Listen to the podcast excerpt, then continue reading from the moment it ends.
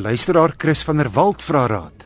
Hy het vier nuwe bande van grootte 215 55 profiel 17 duim, maar nie van dieselfde fabrikaat nie. Twee Michelins en twee Bridgestones.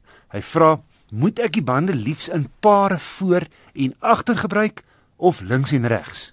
Nicolou, die tegniese redakteur van die tydskrif Car, antwoord. Wessel die beste is as jy met twee fabrikate sit om hulle in pare op te sit op dieselfde as, eerder as links en regs. En daar's goeie redes daarvoor en ek sal net so 'n bietjie verduidelik. Eerstens gaan dit oor bandsluitasie. Ehm um, die bandsluitasie tempo op elke as is meestal konstant. Ehm um, alhoewel sien nou maar bevoor aangedrewe voertuig sal die voorwiele dan nou vinniger sluit as die agterwiele, maar op die spesifieke as is dit konstant. So as jy nou twee bande opsit van dieselfde fabrikaat op die vooras, dan gaan hulle ten minste teen dieselfde tempo sluit. Maar as jy nou daai links en regs uh, storie gedoen het, dan gaan een band vinniger sluit as die ander een en dan gaan jy later 'n probleem sit om jou sluitasie te balanseer oor die vier uh, wiele want jy wil natuurlik dit so doen dat al die bande gelyk op die einde van hulle lewe kom uit 'n ekonomiese oogpunt. So as jy dit nou in pare opgesit het, dan kan jy ten minste van voor na agter ruil en dan verseker dat al die vier bande gelyk hulle einde van 'n lewe gaan kry wat jy nie sommer gaan regkry as jy daai links en regs metode gevolg het nie. En dan tweedens gaan dit oor die verrigting. En ehm um, die twee fabrikate as hulle 'n nou verskillende greep karakteristikke het op die bande en jy sit hulle nou links en regs op, dan gaan jy nou vind dat as jy nou links draai of regs draai met die voertuig gaan sy hantering verskil uh wat miskien 'n bietjie van 'n probleem kan wees.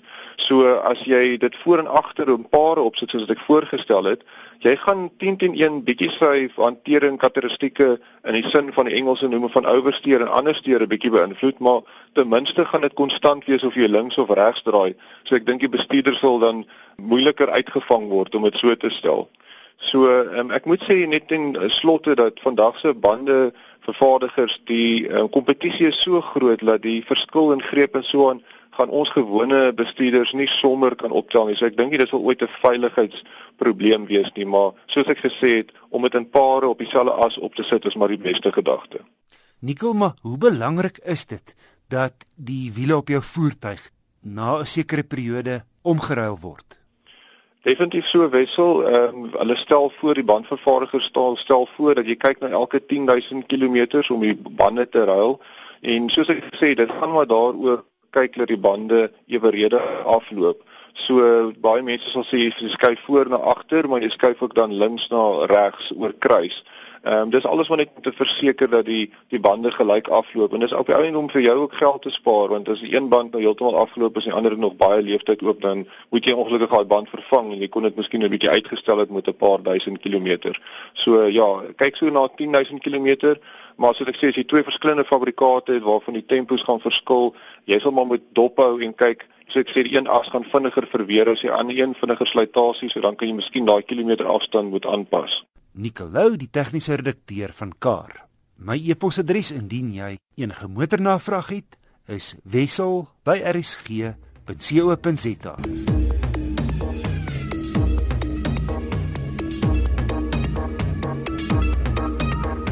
Hyundai slaan die spyker op die kop met die voorkoms van sy nuwe Tucson, effe groter as die model wat hy vervang, die EX35 wat sedert 2009 'n baie goeie plaaslike verkoper was vir die Suid-Koreaanse vervaardiger.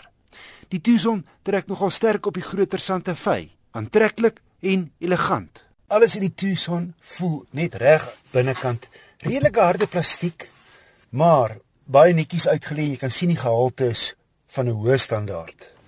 Die radkie het 'n lekker aksie aan hom. Die sitplekke gemaklik, net een klagte. Die skerm hier in die middelkonsole is klein. Jou stuur kan jy met die druk van 'n knop effens stywer stel vir 'n meer sportiewe gevoel. Spasie vir die agterste insittendes baie goed. As ek as 'n ou van so net oor die 1,90 meter agter myself sit, raak my knie nie eers die voorste sitplek se rugleuning nie. Ook ventilasiegate vir die agterste passasiers. Die bagasieruim billik, maar nie so groot soos jou Honda CR-V Ford Kuga en 'n Toyota RAV4 se nie. Hier's daarom onder die bodem van die bagasiebak 'n volgrootte alloy spaarwiel. en handig is so vasgryp net as jy pakkies en so aan wat kan rondskuif wil uh, vasheg op die vloer van die bagasiebak. Die groot nuus onder die engine kap is 'n 1.6 petrol turbo, ongelukkig net in die duurste modelle. Die goedkoper is en waarskynlik die gewildste in die reeks draf uit met die gewone 115 kW 2 liter masjien. Dit hou die prys laer vanaf 370 000 vir die premium afwerking gemiddeld vir 'n intree vlak model in die sportnutklas. Die 1.6 turbo executive 6-spoed handrat trek met sy voorwiele en skop 130 kW uit. 0 na 100 in redelike hastige 9 sekondes. Maar waar die 1600 turbo hom duidelik onderskei van die gewone 2 liter, is die groter dosis wrinkrag 265 Nm teenoor 196. Ek het op my stad en oop toetsroete 'n heel ekonomiese 8,5 liter per 100 km gemeet, baie naby aan Hyundai se syfer van 8,3. Indien jy begrotinge toelaat, is hierdie 1.6 turbo executive die een om te hê met sy wakker verrigting. Tucson is sonder twyfel een van die aantreklikste rygoed in sy klas. En die executive is een van daai baie goed gebalanseerde voertuie wat regtig moeilik is om te kritiseer. Net een ding, teen 'n redelike stywe 440 000 rand bied die executive nie 'n lekker groot sentrale skerm soos jy oorsee kry nie. Hier by ons kos dit ekstra. Maar andersins is die model goed toegerus met onder meer leersitplekke wat voorlangs elektries verstel en 'n volledige luisveiligheidskenmerke. Boonop is daar die gemoedsrus van 'n lang waarborg en 'n lang diensplan asook padbystand vir 5 jaar 150 000 km.